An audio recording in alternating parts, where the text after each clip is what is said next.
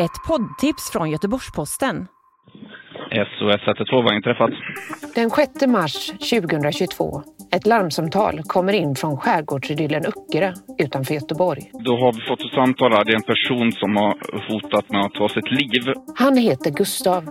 En och en halv timme senare kommer han att ligga död i sin trädgård bredvid barnens gungor. Skjuten till döds av insatsstyrkan. Men allt är inte som det först verkar. Man ser på honom att han försöker fly. Min känsla är att de försöker mörka ganska mycket. Vi eh, uttalar oss inte i enskilda ärenden. Hans anhöriga ska inte behöva leva med att han attackerade polismännen med yxa då. Den övriga utredningen pekar ju på att det de har skrivit är sant.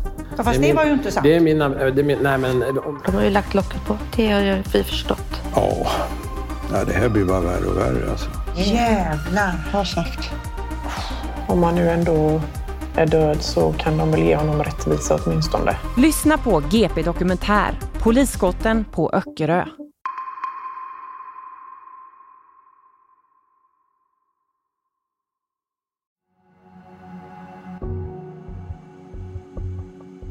Det här eftersnacket ska handla om hur det är att leva i en våldsam relation.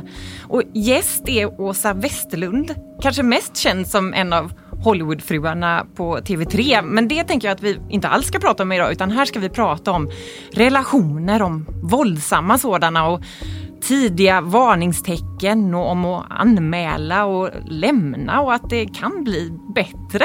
Eller hur Åsa? Ja, verkligen. Och alltså, visst är det så. Allting kan ju bli bättre och jag är så glad och tacksam att få vara med er idag. Ja, det är underbart att du är det. Och du är med oss på, på länk från eh, Florida. Och jag sa det inledningsvis att eh, de som lyssnar känner dig nog mest som eh, en Hollywoodfru. Men om du skulle berätta vem du är och vad du gör, vad skulle du säga då? Ja, alltså jag ser ju mig inte som någon Hollywoodfru och jag har aldrig heller gjort det heller. Sådär. Men jag ser mig bara som en vanlig tjej, höll jag på att säga nu. Men alltså jag ser mig som en vanlig tjej från Norrland som, eh, ja, som eh, gör lite smågrejer och eh, jag är skogsägare. Nej men du vet såhär, jag är som vanligt, jag är precis som alla andra. Jag ser mig inte alls som någon sån här typ att, ah, har du varit med på TV och så här typ. Nej, jag bara, nej. Alltså jag är som en vanlig tjej bara. Mm. Och du har ju varit med om en våldsam relation men tagit dig ur den och det ska vi prata om betydligt mer idag. Men först tänkte jag fråga, har du eh, kunnat lyssna på Eh, den här serien som vi gör, Hennes namn var? Ja, jag har faktiskt gjort det och eh, jag lyssnade i bilen här mycket och eh, jag måste säga, alltså jag blev så rörd. Det var flera gånger jag bara jag kände nästan att jag skulle vilja börja gråta och jag är inte den som gråter, alltså jag gråter väldigt sällan, men jag blir så rörd av alla de här fallen ni har tagit upp och ni gör ett fantastiskt jobb alltså. Jag, ska, jag riktar mig till eh, min studiokamrat här och, och, ska presentera honom. För en av eh, reportrarna bakom den här eh, granskningen är ju Mikael Verdicchio och du är, är, här nu. Välkommen hit! Ja, tack! Du, den här hela serien är ju inte publicerad ännu, men kan du berätta lite om reaktionerna hittills? Eh, nej men det har ju varit ett jättegenom, alltså ett jättegensvar. Alltså det har varit, eh, ja, men det är verkligen så många som hör av sig och som folk som har lyssnat på podden som ringer och mejlar och men framförallt sociala medier liksom. Eh, och ja, allt från liksom eldsjälar till eh, liksom organisationer som jobbar eh, med det här men även liksom folk som så här, bara känner igen sig liksom. Eh, och tycker det är bra att den här frågan lyfts, liksom, att vi pratar mer om det och mer öppet. Liksom. Eh, så, så det har varit jättemycket reaktioner faktiskt. Och jag tänker, eh, ni har ju intervjuat många anhöriga. Hur har deras reaktion varit nu när detta faktiskt publiceras? Eh, nej men det har varit väldigt positivt. Det har ju varit, eh, det har såklart varit lite nervöst sådär, hur det ska tas emot. Och så. Sen ska, vi har haft väldigt mycket kontakt med de anhöriga inför och så. De har fått höra, lyssna innan och så. Eh, men nu har vi även kunnat se liksom reaktioner från andra här, som kände vänner och släktingar till de familjemedlemmar vi har eh, intervjuat i serien och så. Det har varit jättepositivt liksom att eh, vi ändå lyft, ja, det, det, det, det jag fått höra mest är väl liksom att vi, vad ska man säga, ja, men att vi lyfter den här frågan men att vi eh, berättar den på ett lite annorlunda sätt. Då. Att vi berättar vilka de här personerna var, liksom, så man får mer förståelse för de som faktiskt drabbas av det här, liksom, brottsoffren helt enkelt. Mm.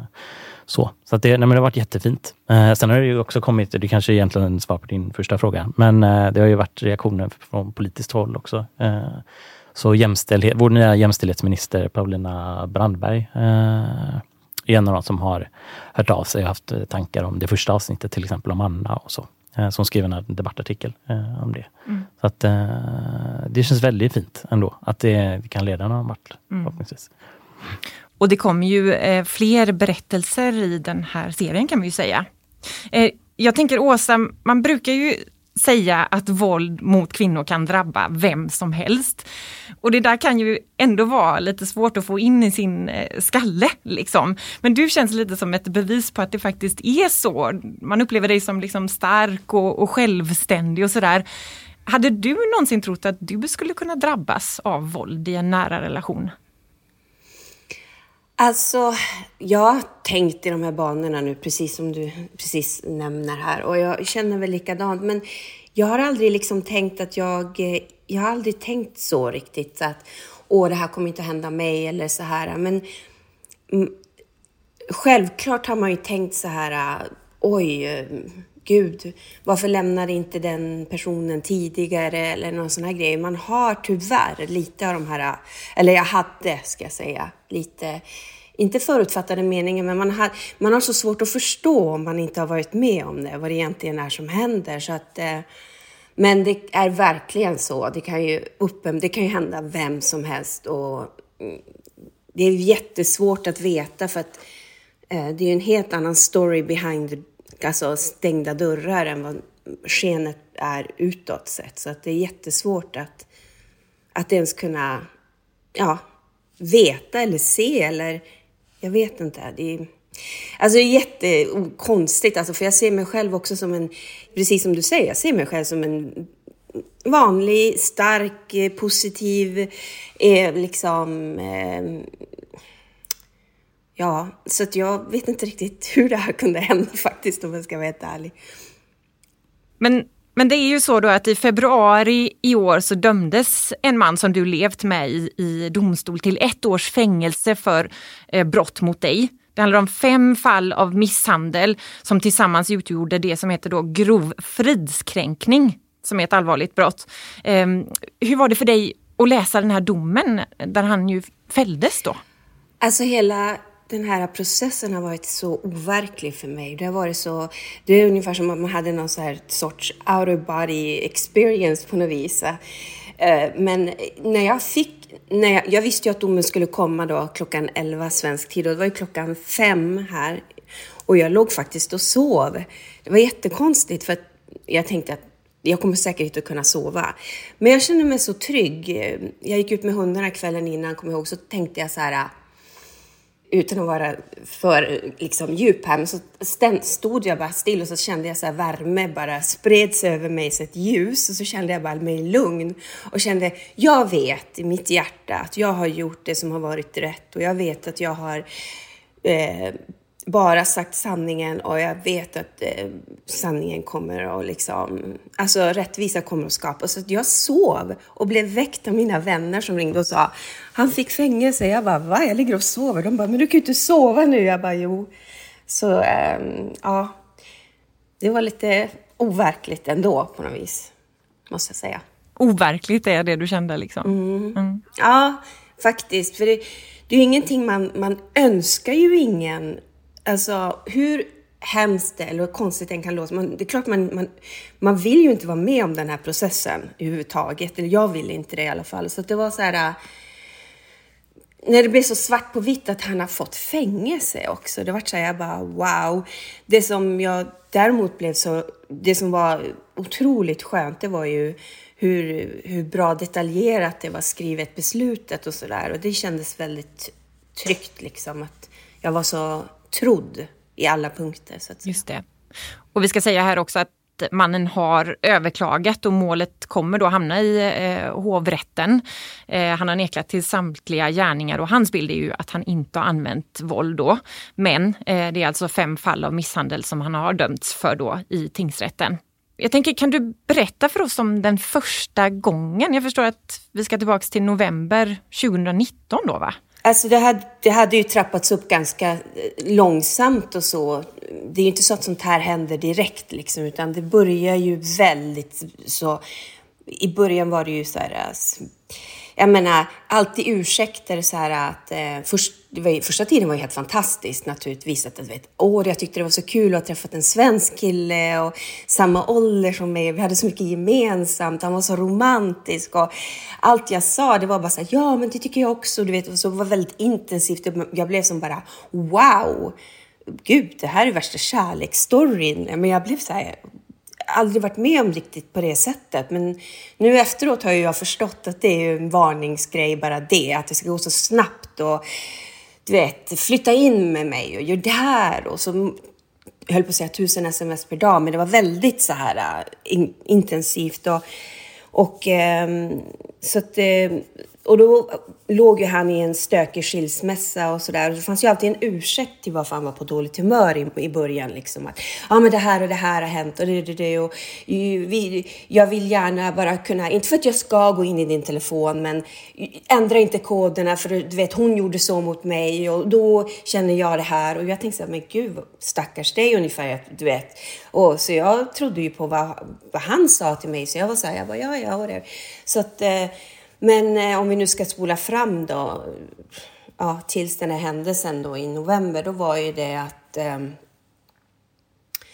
eh, eh, jag hade varit eh, i Ryssland och eh, kollat upp eh, om jag kunde bli gravid. Och det här visste han ju om eftersom jag menar, han körde mig till flygplatsen och alltihopa, så det var inte sådana där liksom. Men i alla fall så fick jag provsvaren och jag drog mig för att ta upp det här med honom för att jag visste att det här eh, kommer att bli bråk liksom. Och ehm, så jag tog det i bastun när han kom hem från jobbet och vi pratade om det och så sa jag det att eh, jo men det fanns en stor chans att jag kunde bli gravid och jag har ju vetat hela tiden att han inte ville ha barn så att eh, det var ju ingen liksom konstigheter med det men och då var han lugn och han bara ja men eh, vi, eh, vi får se hur det går och så där. så sa jag det jag bara, men jag vi kanske ska ta en break då, så jag kanske ska åka till USA och sådär.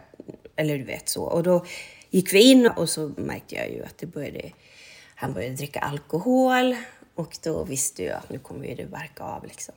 Och det gjorde det ju. Det var ju liksom flera timmar av ren terror. Alltså, ja det var ren terror. Alltså jätte, alltså hög volym. Och så um, visste jag ju att eh, han skulle vilja komma åt min telefon så, eh, så då gick han runt, eh, eller jagade eller sprang runt sängen och jag tog min telefon. För ofta så, det var någonting med min telefon, jag vet inte riktigt vad det var som var så himla, du vet, hela tiden bråkade om min telefon. Och så skulle han, kunde han ta telefonen och låsa in det på toaletten och skulle kolla igenom alla mina meddelanden, mina mejl, alltihopa och låtsades vara jag och skrev till folk och låtsades vara jag och skrev till min exman i USA som han trodde att, in, alltså du vet, min exman i USA, han bara alltså vad är det för fel på den här människan? Alltså det var så här typ, han visste ju att det inte var jag som skrev, men ändå. Och eh, så, så ja, slet, slet han ur mig i sängen och eh, drog mig i armen så jag slungades in i garderoben och eh, så mitt finger var ju helt stukat och eh, jag eh, säger till honom att nu kommer jag att lämna dig. Så gjorde jag det. Och eh, till saken hör ju då att då hade han ju skaffat kameror så det var ju vet, ett 30-tal kameror utanför huset så att jag visste ju att så fort jag sätter min fot utanför så kommer han och vet om det då. Och så fort jag blev upphämtad så började han ringa mig och bara eh, du vet, eh, jag skäms för mitt beteende och eh, ja, så att jag eh, och jag har ju sms där med bilder på mitt finger där han säger att han skäms för sitt beteende och han ångrar sitt beteende och så vidare. Men ja, det var så. Det var, först, eller, det var inte första händelsen, men en av händelserna i alla fall. Jag tänkte, du sa ju det själv där att, alltså, att du visste på förhand att nu kommer det bli bråk. Liksom, eller, alltså, mm. Hade det där smugit sig, eller hade det varit så under lång tid? Då, liksom, eller? Ja, alltså just det här med min telefon, det var ett återkommande grej med honom. Jag vet inte riktigt vad det var, men det var så här. Jag fick inte ändra koderna, han skulle alltid gå, han kunde ta min telefon, han skulle ha kontroll på min amerikanska telefon, min svenska telefon. Eh, du vet, eh, skrev till mina tjejkompisar och, så, och, och jag visste ju så här typ att det fanns ingenting i min telefon, men det är ändå obehagligt när någon går in och kollar och läser e-mail och jag menar mina filmkontrakt och sådana grejer. Alltså det är så typ classified information och jag, jag sa till honom att om du vill se min telefon, ta min fråga, ta min telefon och kolla. Men du behöver inte ta min telefon och låsa in dig på toaletten i en timme liksom och sådana här grejer. Det är ju liksom, jag menar det är ändå privata grejer, du ska inte, man ska inte göra så. Jag, jag tog inte hans telefon och låst in mig på toaletten. Liksom. Alltså, det är så här, typ, hur gammal, det gör, man gör bara inte så. Och jag visste ju att ja, men det är vissa, man känner det på sig. Det, det var så här, man, man gick liksom på eggshells till slut. För att vem kommer hem idag? Är det Dr Jekyll eller Mr Hyde? Man hade den här obehagliga känslan att man visste inte om det skulle vara Eh, jag brukar säga så här typ att om han hade laddat ur sig, om när det hade blivit ett bråk en natt så visste jag att då skulle han vara lugn i några dagar. Så då var det, du vet. Men då tog det några dagar för mig att komma tillbaka, liksom få energin tillbaka. För det här händer ju alltid nattetid. Alltid, alltid, alltid. Ja, för hur upplevde du hans kontrollbehov som det ju handlar om ändå? Ja, men alltså det, det kom så krypande på. Alltså, nu, nu, alltså idag hade jag ju aldrig tolererat det jag tolererade då, men det är ungefär som att det är som en gummisnodd som bara, den töms, liksom den täng, vad heter det på svenska? Du vet, den, den dras ut sakta men säkert och liksom och ju mer man låter saker och ting bara ignorera, ju, ju mer dras det ut på gränserna.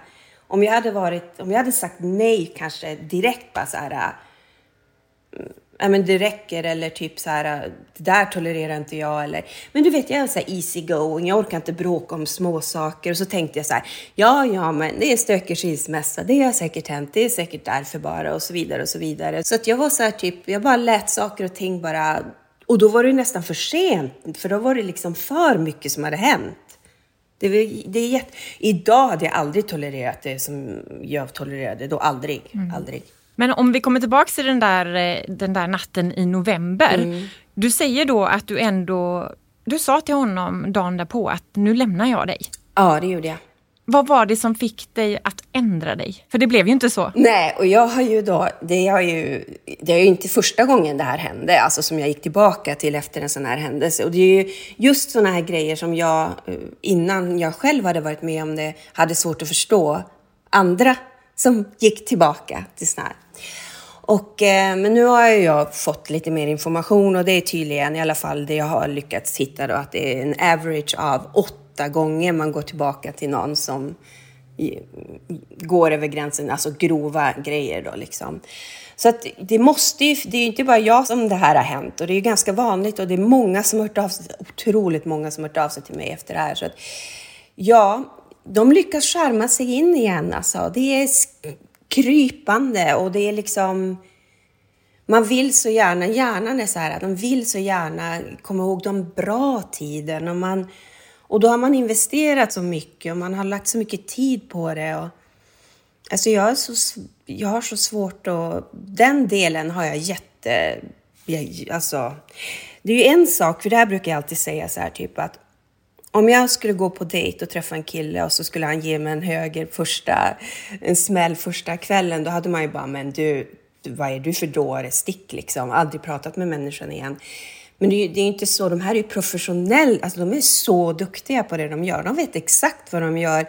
Men det är väl liksom, det är creepy, väldigt. Det är bara, det är liksom, ja, jag kan smitta bara... Och så just det här med att sömnen togs bort också, för att det var ju ett konstant grej. Det var ju alltid sena nätter. Alltid, alltid, alltid. Så jag sov ju aldrig. Och och lyckades man somna så sov man ju liksom med ena ögat alltså öppet för att man visste ju aldrig vad som skulle hända. Det var alltid terror på efter. Det var alltid kvällstid och jag var ju helt slut nästa dag och då orkar man ju inte bråka. Så kanske, ja, som, så att, ehm, ja, jag vet inte. Jag, kan, jag har som ingen bra förklaring mer än att man är som i en dimma. Man kommer liksom ingen vart. Man kommer ingen vart med någonting kändes det som. Alltså allt bara stod så still, alltså med allt. Allt.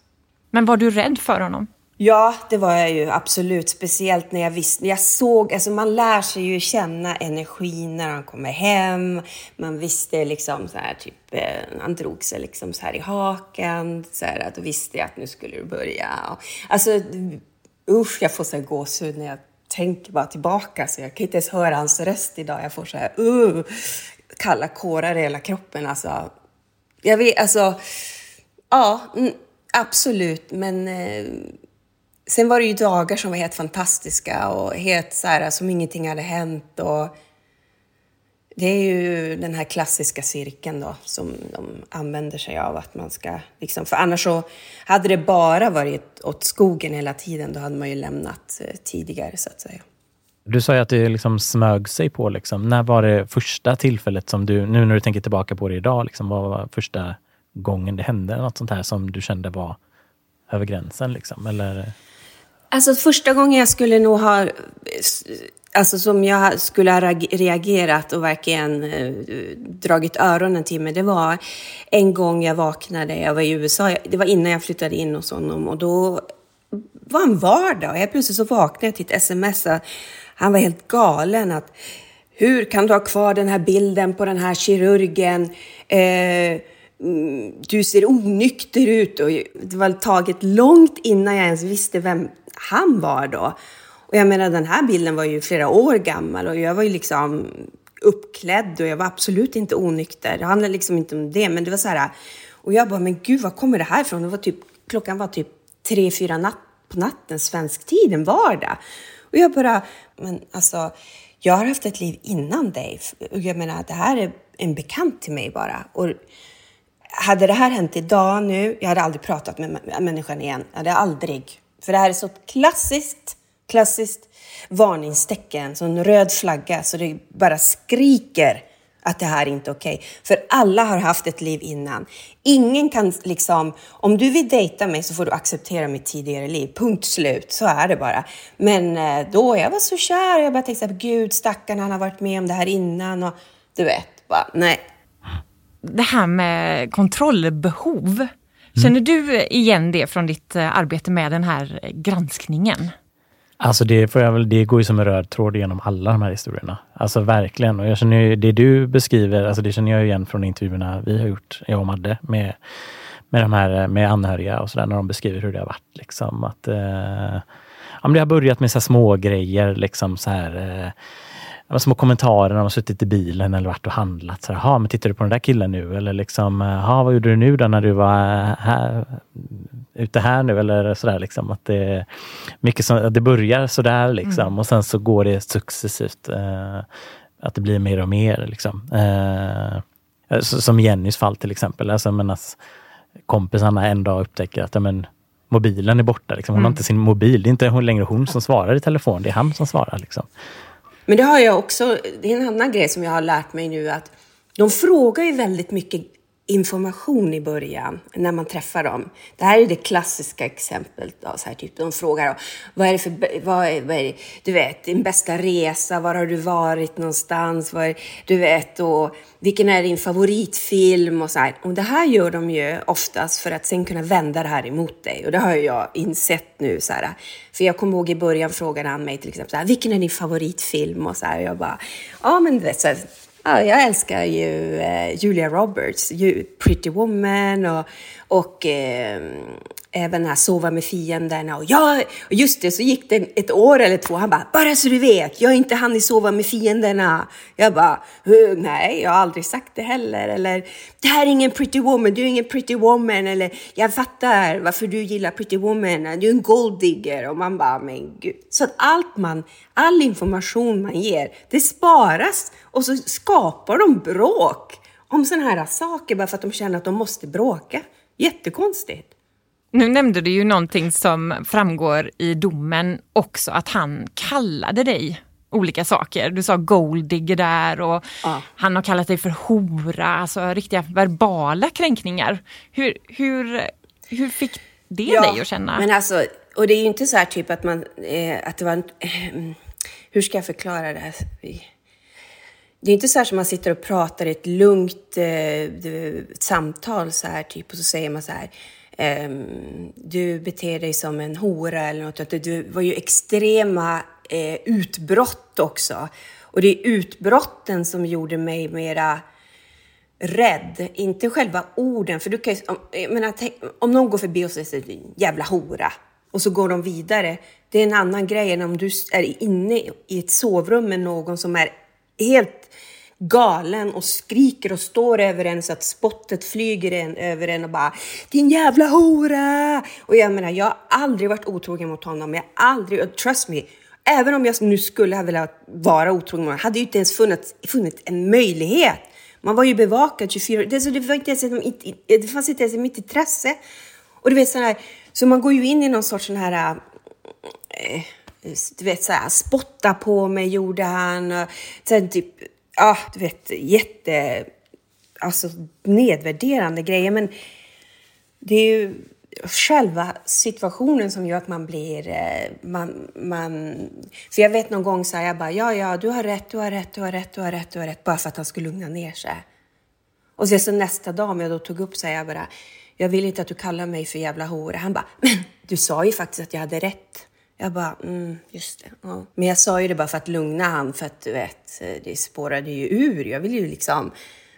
Jag kunde ju, jag menar, jag vet inte, jag kan inte, alltså jag vet inte hur många gånger han har slängt ut mig i huset bara för att han har känt för det. Han har fått för sig att jag skulle haft någon flygbiljett bokad eller du vet, jättekonstiga saker. Vart skulle jag ta vägen mitt i natten, liksom mitt i vintern utan jackor eller någonting? Men du, en sak är ju, det kan man ju verkligen förstå att i stunden så vill man försöka liksom lugna situationen. Ja. Men, Verkligen. Ja, och det, det, det är inte svårt att greppa alls tycker jag. Men hur kände du liksom när, när det hade lugnat ner sig? Hur gick tankarna då?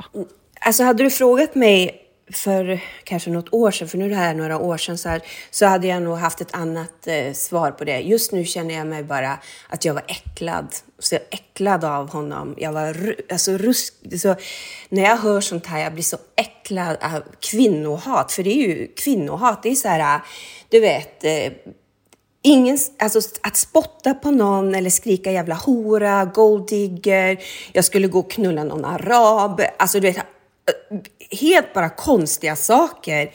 Det är så nedvärderande. Det är så här typ, var kommer hatet ifrån? Alltså det är ju det.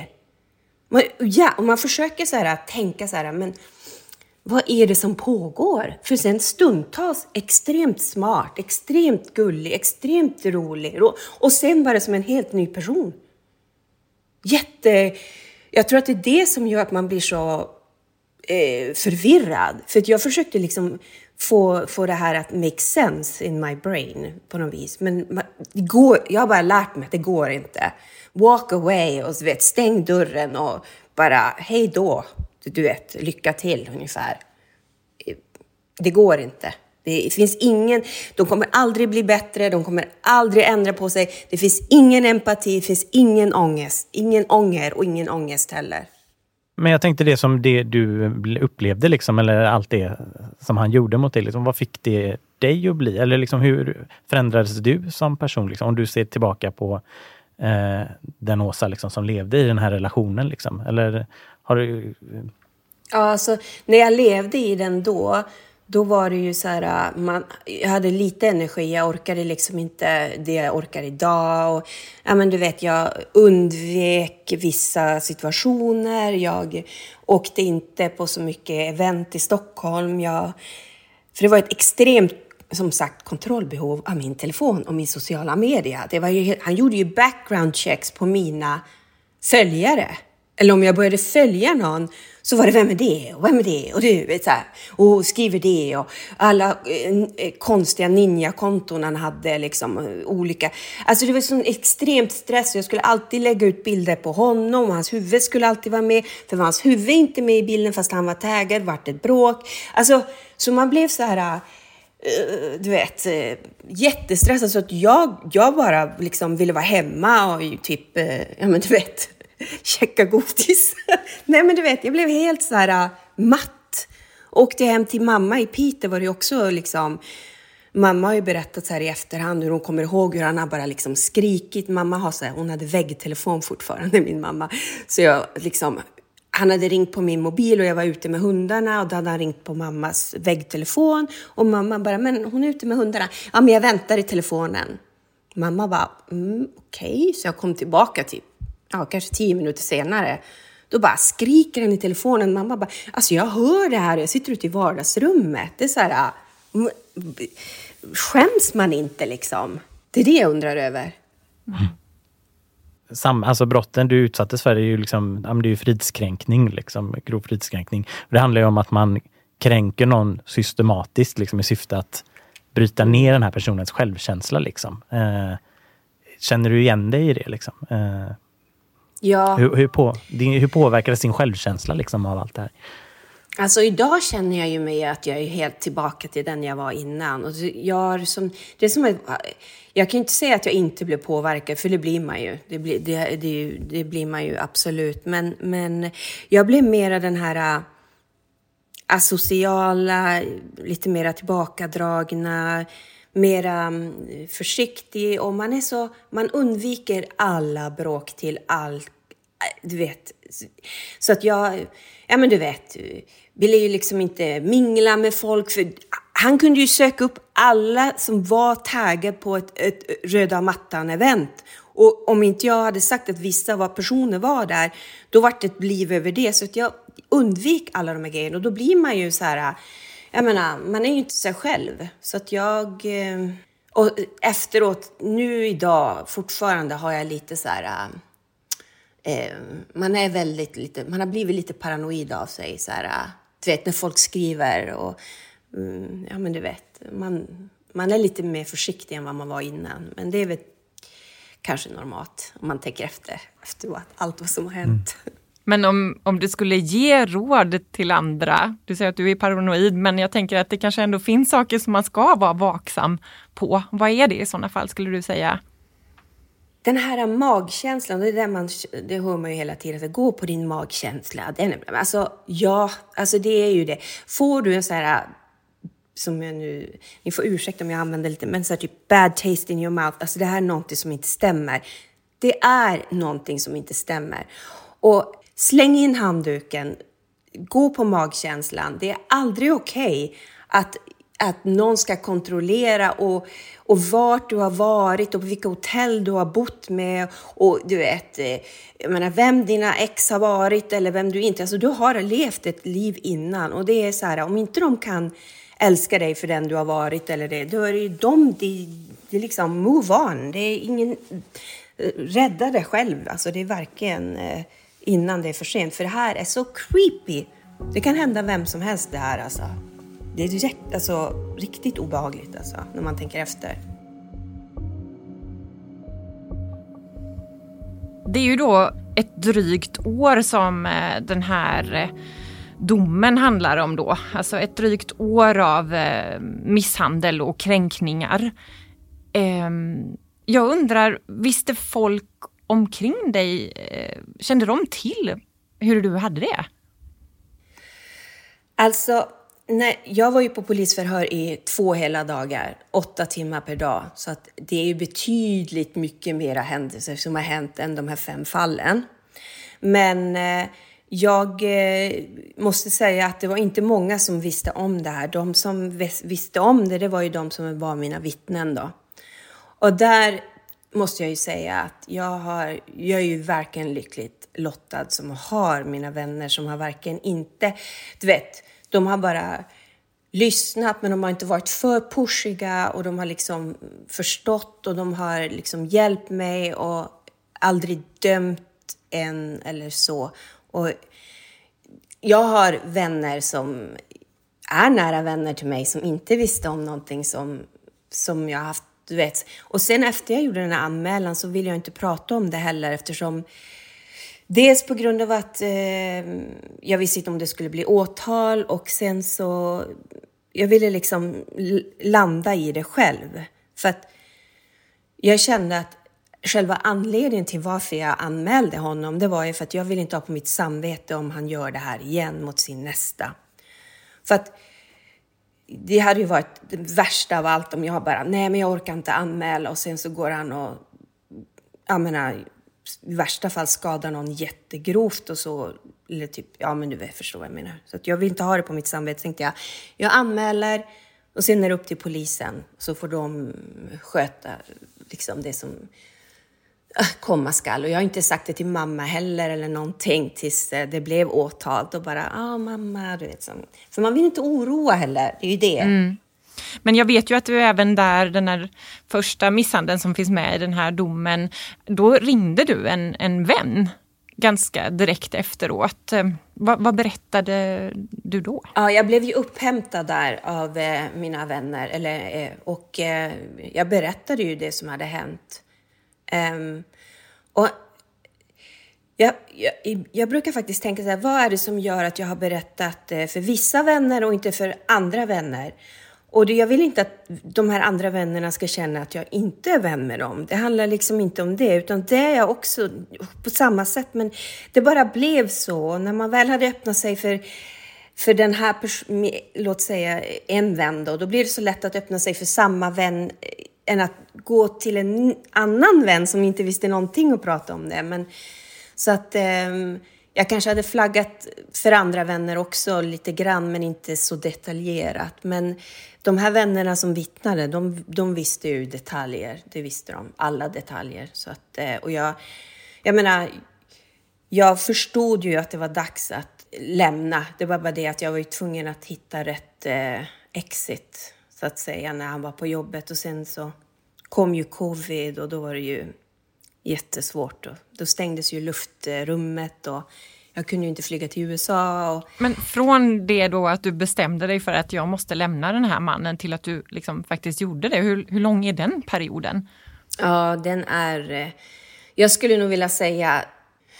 Alltså det som hände i Oslo då, det var ju också... För då hade vi haft ett, Eh, ett break innan och så hände det så snabbt när jag kom tillbaka efter det. Och det var... Så, alla de här bråken eskalerade ju på ett annorlunda sätt. Alltså de var ju violent och verbal och allt det där, men de blev liksom vassare och, och farligare på något vis kändes det som. Mera hotfullt. Så att jag visste väl efter Oslo, du vet, att jag, det här går inte. Jag måste, jag måste ta mig ur. Och då började ju liksom den här tanken att hur och var och när och hur. Och, och då tänkte jag så här, jag måste liksom, du vet, så att alla bilder och ljudfiler och allt som jag hade, de skickade jag ju vidare till mina kompisar, för jag visste ju att nästa dag gick han ju igenom min telefon. Så jag skickade allt material, raderade, raderade i skickat, raderade i spamkorgen, raderade allt och liksom, du vet. Bara för att bli av med det bevismaterialet jag kände, för jag kände att det här, jag måste ha bevis för det här. Jag måste det. För händer det mig någonting riktigt allvarligt, då vill jag att de ska veta. Mm. Och vad var det som hände i Oslo? I Oslo var det ju, då var vi där under julen och så bodde vi på hotell och så var vi hemma hos några kompisar till han på middag och så skulle vi, ja, gick vi tillbaka till hotellet och så ville han ta en drink i baren och jag bara nej, nej, nej, nej, nej. Oh, vet så mm. Men eh, så gick han på toaletten och så kom han tillbaka och då fick han för sig att jag hade flörtat med någon, som han brukar alltid säga, gammal gubbe det var mycket gamla gubbar. Så en gammal gubbe hade skulle jag flörtat med som satt i baren. Jag satt liksom flera meter därifrån i en soffa vid en öppen spis. Jag bara, ah, nej, jag har inte gjort det. Kan vi inte gå på rummet? Och så komma, så hade jag gått och tvättat av mig sminket, så låg jag i min morgonrock i sängen, så kom han ut från badrummet och bara, vart ska du sova i natt då? Jag bara, mm, här? Han bara, inte i den här sängen. Jag bara, va? va? Nej, det är jag som har betalt för rummet, gå och skaffa dig liksom ett eget rum. Jag, du ska sova på golvet. Jag bara, nej. Så det slutade med att han sparkar mig ur sängen så jag ska sova på golvet. Han går runt sängen, sliter mig upp och ner i, i badrocken. Så här, du vet. För jag hade ju knytt så här hårt band, du vet. Så han upp och ner, släppte mig flera gånger i golvet. Och, ah, det var helt hysteriskt alltså. Och, eh, och då ringde jag ju. Eh, jag gick ut från hotellrummet, för jag visste ju att han skulle så småningom somna. Så att jag, då var jag ändå så här, för då hade, hade vi haft ett break innan, så jag var ändå så här mer vaken på ett sätt. Att jag, jag förstod. Det var som att jag hade börjat komma ur dimman, men jag hade inte kommit ur dimman och därför hamnade jag tillbaka hos han. Och sen hände det här och så bara, men vad fasen alltså vad hände igår? Och han, på morgonen tänkte jag att nu skulle han vara ångerfull, men det var han ju inte, utan han var arg på mig. Han bara, varför ligger du här på golvet då? För jag fick ju sova på golvet. Jag bara, men du sa att jag skulle sova på golvet. Han bara, gud vad du hittar på! Och, du vet, så, bara, och men sen så bad han ju en ursäkt för att han såg ju att jag var ju, eh, jag var ju riktigt trött på det där då. Men eh, alltså, jag pratar väldigt sällan om det här, så att jag blir så här typ, blir så här, typ svettig bara jag pratar om det. Jag blir så här, åh, få återuppleva allting igen. Det känns helt overkligt. Usch. Alltså jag känner igen mig på något konstigt sätt. Alltså, jag känner igen mig i de historierna vi har berättat om. Där har ju vi berättat om, alltså i hennes namn var så berättar vi om kvinnor som faktiskt har dött eh, efter att ha levt i sådana här våldsamma relationer. Liksom. Men har du, kände du någonsin så? Alltså, var du någonsin rädd att det skulle gå så långt för dig? Eh, nej, det gjorde jag faktiskt inte. Att han skulle typ slå ihjäl mig eller något. Men, men däremot så... Eh, det, kanske är, det kanske är det som... För jag brukar tänka så här.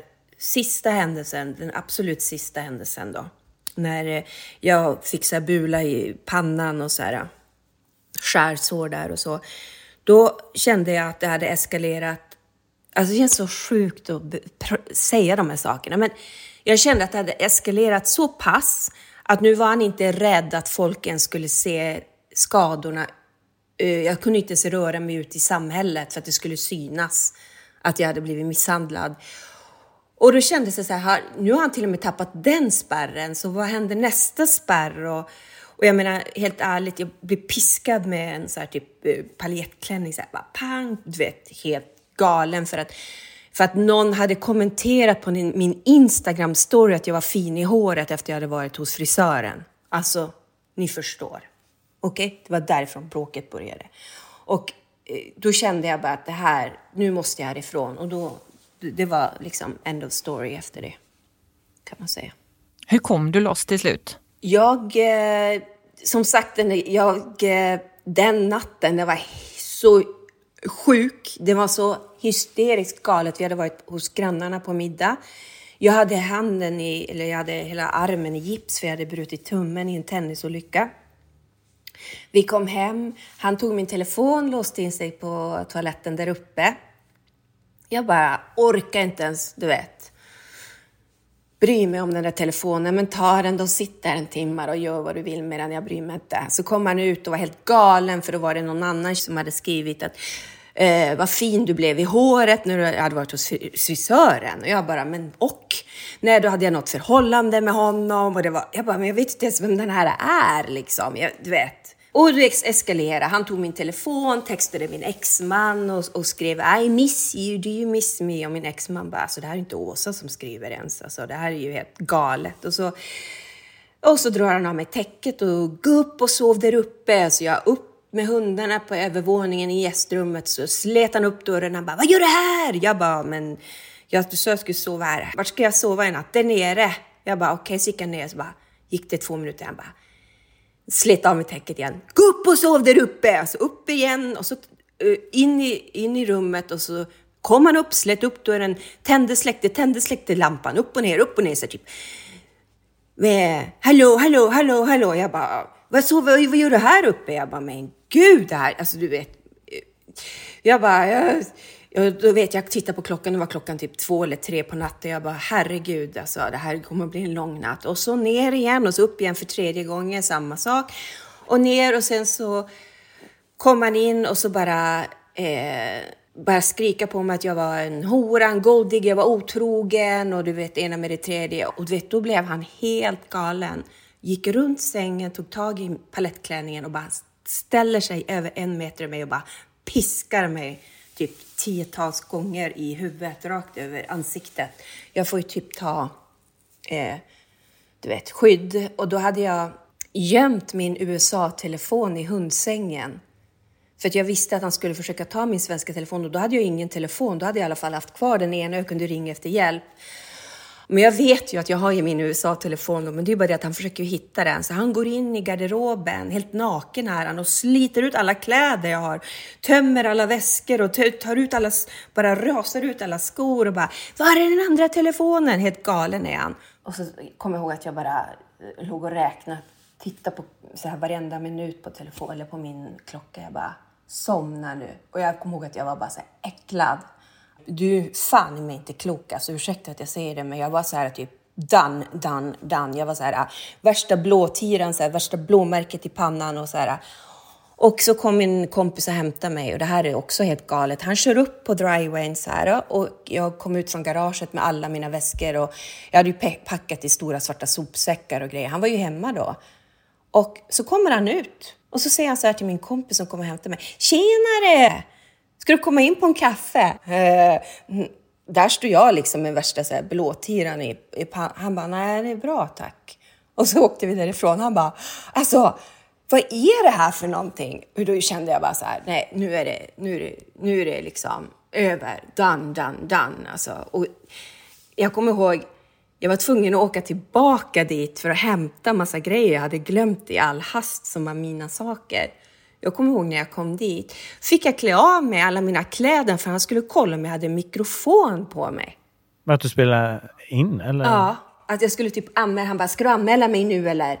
Eh, jag bara, Nej, jag här för att hämta mina saker. Han bara, eh, ta fram din telefon och så skulle han stänga ner alla appar i min telefon så fick han, skulle han, fick han kolla om jag hade mikrofon på mig. Jag bara, men gud. Ja, får jag ställa en fråga? Så här, om jag, vi kanske. Det kan ju vara känsligt att prata om honom, liksom, eh, vem han är och liksom vad som triggar, eller liksom vad får honom att vara sån. Men jag tänker, jag känner ju väl igen mig från de här andra historierna som vi har mött, liksom, när eh, anhöriga har berättat då att alltså flickvänner som har utsatts för det här våldet liksom, under så lång tid och eh, att det blir så jävla grovt och våldsamt. Jag bara tänker så har du tänkt någonting? Vad är det som får de här männen att bete sig så här? Liksom? Har, du, har du några liksom, teorier kring det? Vad som, har du funderat över det? Liksom?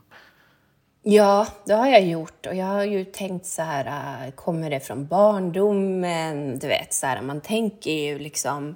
För jag vet att jag jag menar, det är inte mitt fel att det här hände. Jag vet att jag gjorde ju ingenting fel där mm, på det sättet. Men jag vet inte om det är någonting de föds med. Jag vet inte om det har hänt någonting. Jag, jag, jag vet inte. Men eh, oavsett så är det ju för, alltså det är fruktansvärt. Det är ju helt, jag, jag, jag, vet, jag, jag vet faktiskt inte. Jag kan inte säga. Mm.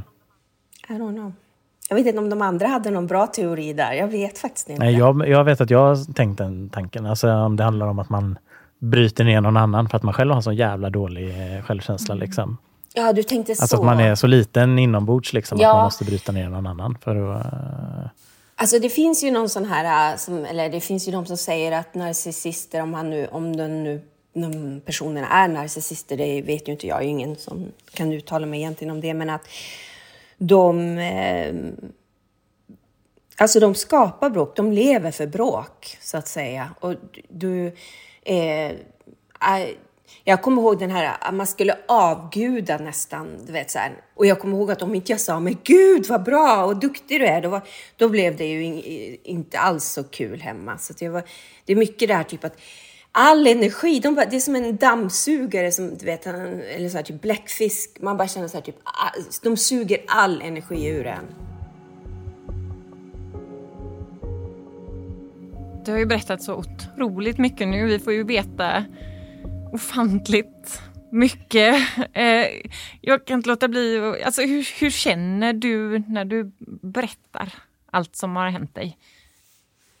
Jag fick frågan häromdagen, så här, men gud, hur, hur, hur känns det? Och du har ju varit med som fruktansvärt... Och jag tänker så här, det finns så många andra kvinnor framför allt där ute som lever i ännu värre situationer. Som har blivit ännu mer misshandlade, som inte ens kanske lever idag. Och som måste fly och leva under gömda identiteter. Och, så jag vill liksom inte jag ser inte mig som något typ offer eller typ att det ska vara synd om mig, utan snarare som att jag visste att när jag, när jag anmälde att det här skulle bli public information, det visste jag ju, men jag tänkte så här att jag får bara jag får bara stå för det här, för det här är någonting som har hänt och det här är inte mitt fel. Det är ingen som ska känna att det är någonting pinsamt med det.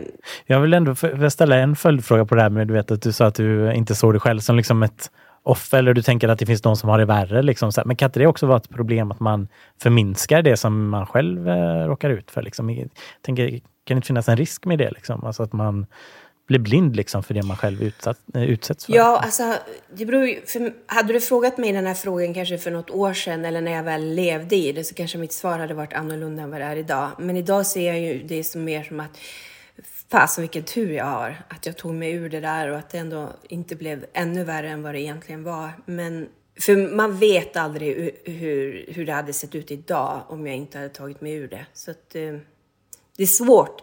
Det är som en del av mig som, vill, eh, som inte vill känna sig vid att man har varit med om det man har varit med om. Men sen så, eller som att man har typ bara eh, jättesvår känsla. Så jag, jag vill inte tycka synd om mig själv för att jag, jag vet ju att det finns de som har det hundra gånger värre. Så att jag... Jag... Eh, ja, du vet. Ja. Jag, alltså jag... Det är svårt att... Jag, ja, jag vet inte vad jag ska svara på den frågan. Så. Det är knepigt. Men hur, hur är ditt liv idag?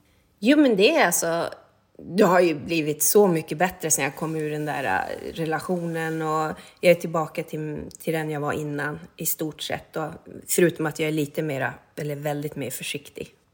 Och även så här att man, jag har satt en helt ny värdering i äh, vem som är riktiga vänner och vem som inte är vänner och man, man, ähm, man är väldigt försiktig med vem man delar information med och så vidare.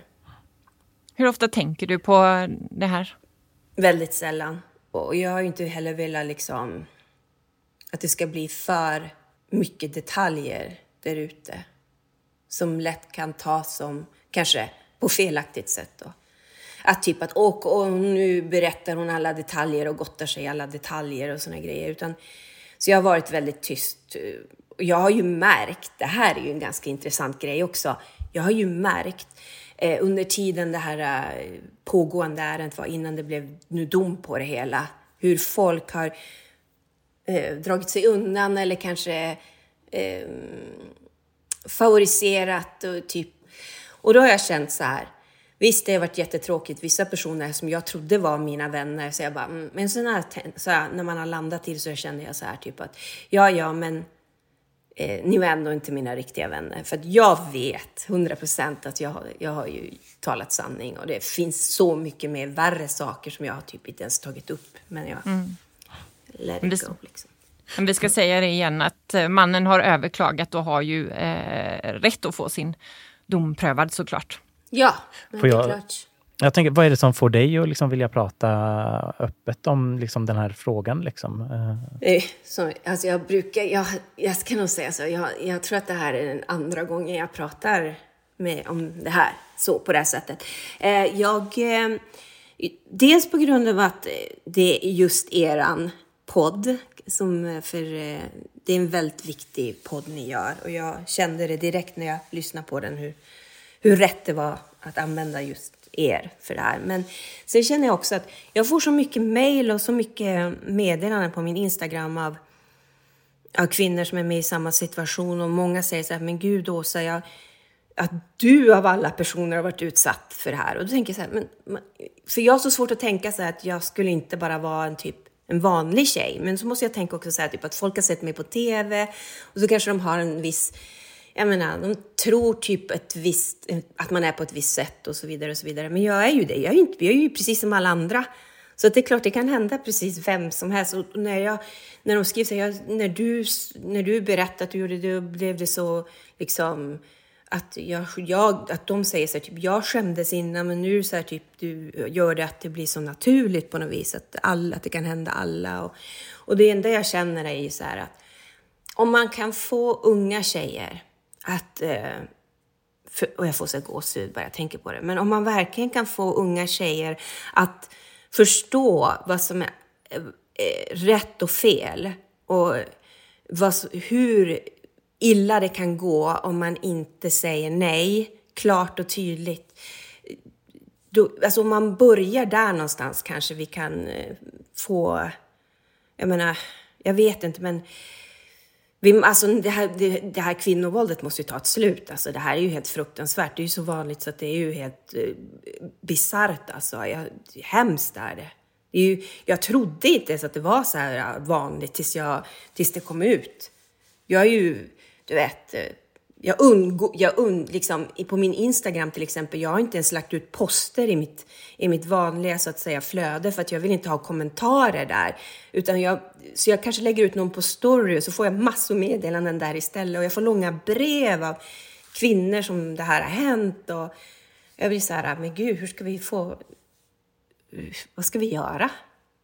Men, jag menar, jag är inget proffs. Vad ska jag göra liksom? Jag, jag vill ju hjälpa alla, men jag kan ju inte hjälpa alla. Jag kan ju bara eh, du vet, stötta dem och säga typ att, eh, att jag tycker att de ska anmäla och, och liksom vara rädda och försiktiga. Och så, men, alltså, men det måste ju finnas något annat sätt man kan göra. Men det, det är dina råd till de som utsätts? Anmäla? Nej, alltså inte, inte, norm, menar, inte anmäla, men det, det är ju typ att sånt här kommer ju oftast krypandes. Så att eh, var mera alert på saker som inte känns rätt. För jag tror att många, det behöver inte gå så här långt om man verkligen är mer vaken på vad man, eh, vad man tycker och, och vad som inte är okej. Okay. Och att man drar gränsen redan där och inte tänjer på sina gränser. Att det här, men det här känns inte okej, okay, men ja, men det är rent mysigt ändå och sådana grejer. Och, utan utan mera bara, nej det här är inte okej. Okay. För helt plötsligt så sitter och så har du tänt ännu mer på din gräns och då finns det liksom ingen... Ja, oh, way back känns det som. I alla fall för mig. Jag, jag kommer aldrig att acceptera att någon ska typ, eh, du vet, ha kontroll på min telefon eller min sociala media eller någonting. Nej, nej. Usch! Det blir så här, svartsjuka är ju i, i mina ögon jag höll på att säga patetiskt, men det känns så himla svag. En svag person är eh, svartsjuk. Utan jag tycker att mm, låt personen blomstra. Var liksom, du vill väl ändå, du vill ju vara med en person som ska dra det bäst, som ska tillbringa och göra dig till en bättre person, inte till en sämre person. Och har man då den här känslan när man är med någon att nej, jag, du vet, jag blir inte det, jag är inte mig själv längre. Eller det känns konstigt då tycker jag man ska lämna. Spring och stäng dörren. jag tänker att det kanske får bli eh, slutorden faktiskt för det här eftersnacket. Tack Åsa Westerlund för att du var med i det här eftersnacket till hennes namn var.